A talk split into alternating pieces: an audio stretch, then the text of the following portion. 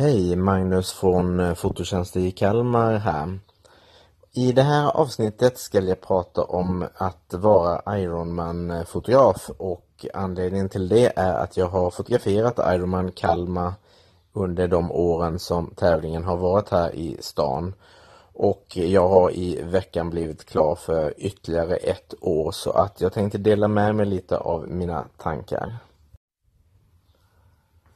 Ironman har funnits i Kalmar i rätt många år eller innan eh, det var Ironman så kallades det för Järnmannen och eh, jag var ofta och fotograferade på den tiden innan den stora organisationen för just Ironman tog över tävlingen och eh, la den då, eller fortsatte att ha den här i Kalmar. Och skillnaden när stora Ironman-organisationen tog över tävlingen här i Kalmar var att då blev allt lite mer krångligare än som det hade varit tidigare. Tidigare hade det bara varit att ta kameran och åka ner till eh, Kattrumpans badplats och eh, ja, börja fota helt enkelt och sen lägga ut bilderna på en egen hemsida. Men eh, när det gäller att fotografera för Ironman och i deras Eh, Eh, byrå som de har, bildbyrå som heter Finisher Pix, så är det lite mer speciellt. Då får man ansöka och eh, det var det jag gjorde då för fem sex år sedan.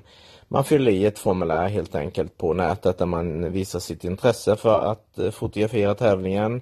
Man får fylla i vad man har för utrustning, vad man har för kunskap och lite länkar.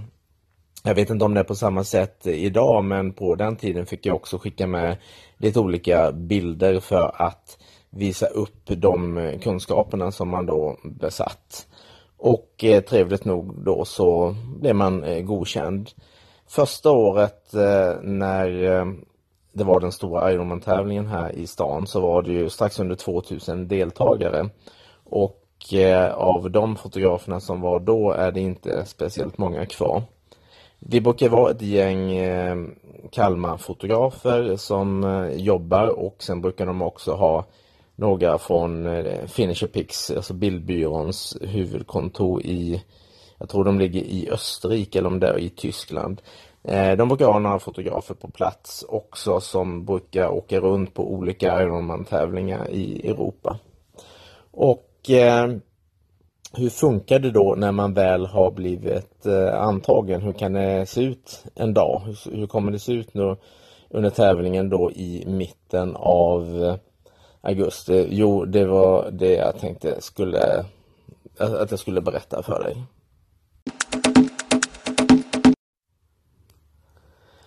Redan några dagar innan den stora Ironman-tävlingen som alltid är på en lördag så gäller det att eh, förbereda sig Kamerans alla batterier ska laddas för att man ska ju kunna fotografera under i stort sett 10-11 timmar.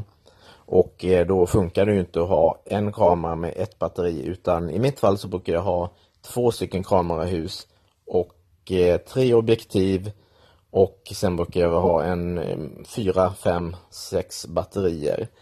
Och visst, det finns ju möjlighet att ladda batterierna under dagen men ja, det gäller ju att eh, ha batteri som det räcker så att nya Ironman-fotografer brukar ju oftast råka på detta att man har ju bara en kamera med ett batteri och eh, 400-500 bilder eller ja, 600-700 som vissa kameror klarar av eh, eller batteriet i kameran klarar av ja, då klarar du det kanske en två timmar och sen är det kört. Så att det gäller att ha mycket batterier och då får man börja ladda dem tidigare då i veckan. Jag har också med mig en egen blixt. Förr i tiden när Ironman när jag började fotografera för Ironman så hade de stavblixtar med sig men de eh, existerar knappt idag så att idag gäller det att ha en egen blixt.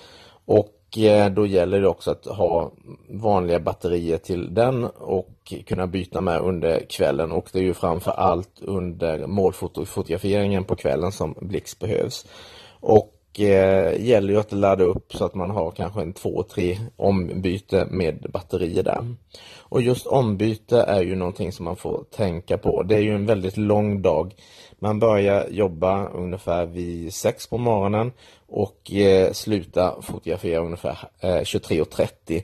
Så att det blir ju väldigt många timmar och eh, man vet ju aldrig hur vädret kommer bli. Man kan, kanske behöver ha eh, andra kläder med sig eller regnkläder eller någonting annat.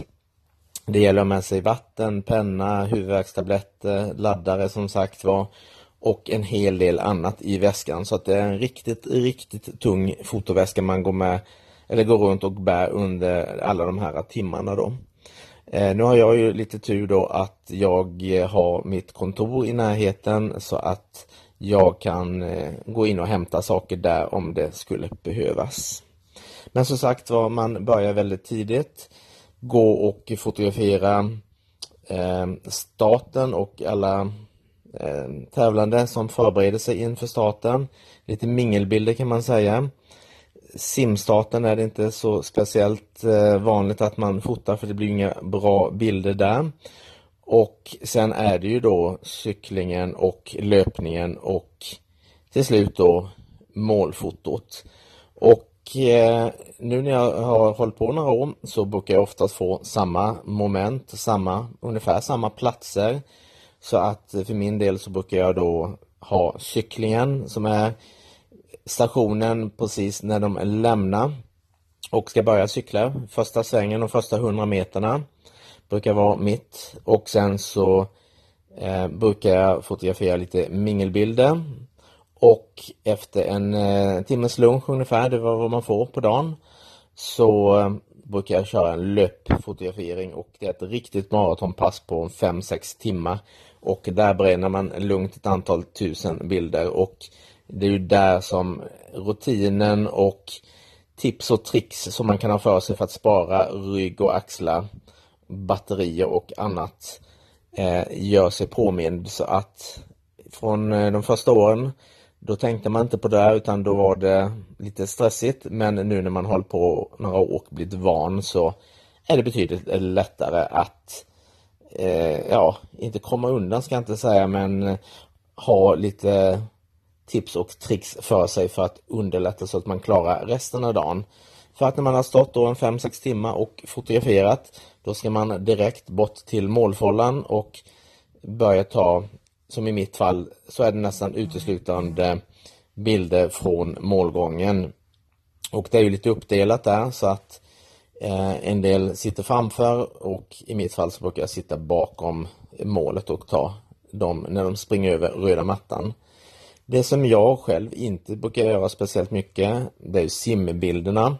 När de kommer upp ifrån vattnet, det brukar vara andra fotografer som får det uppdraget och även eh, att ta bilder med medaljerna när de har gått i mål brukar också vara andra fotografer som tar det.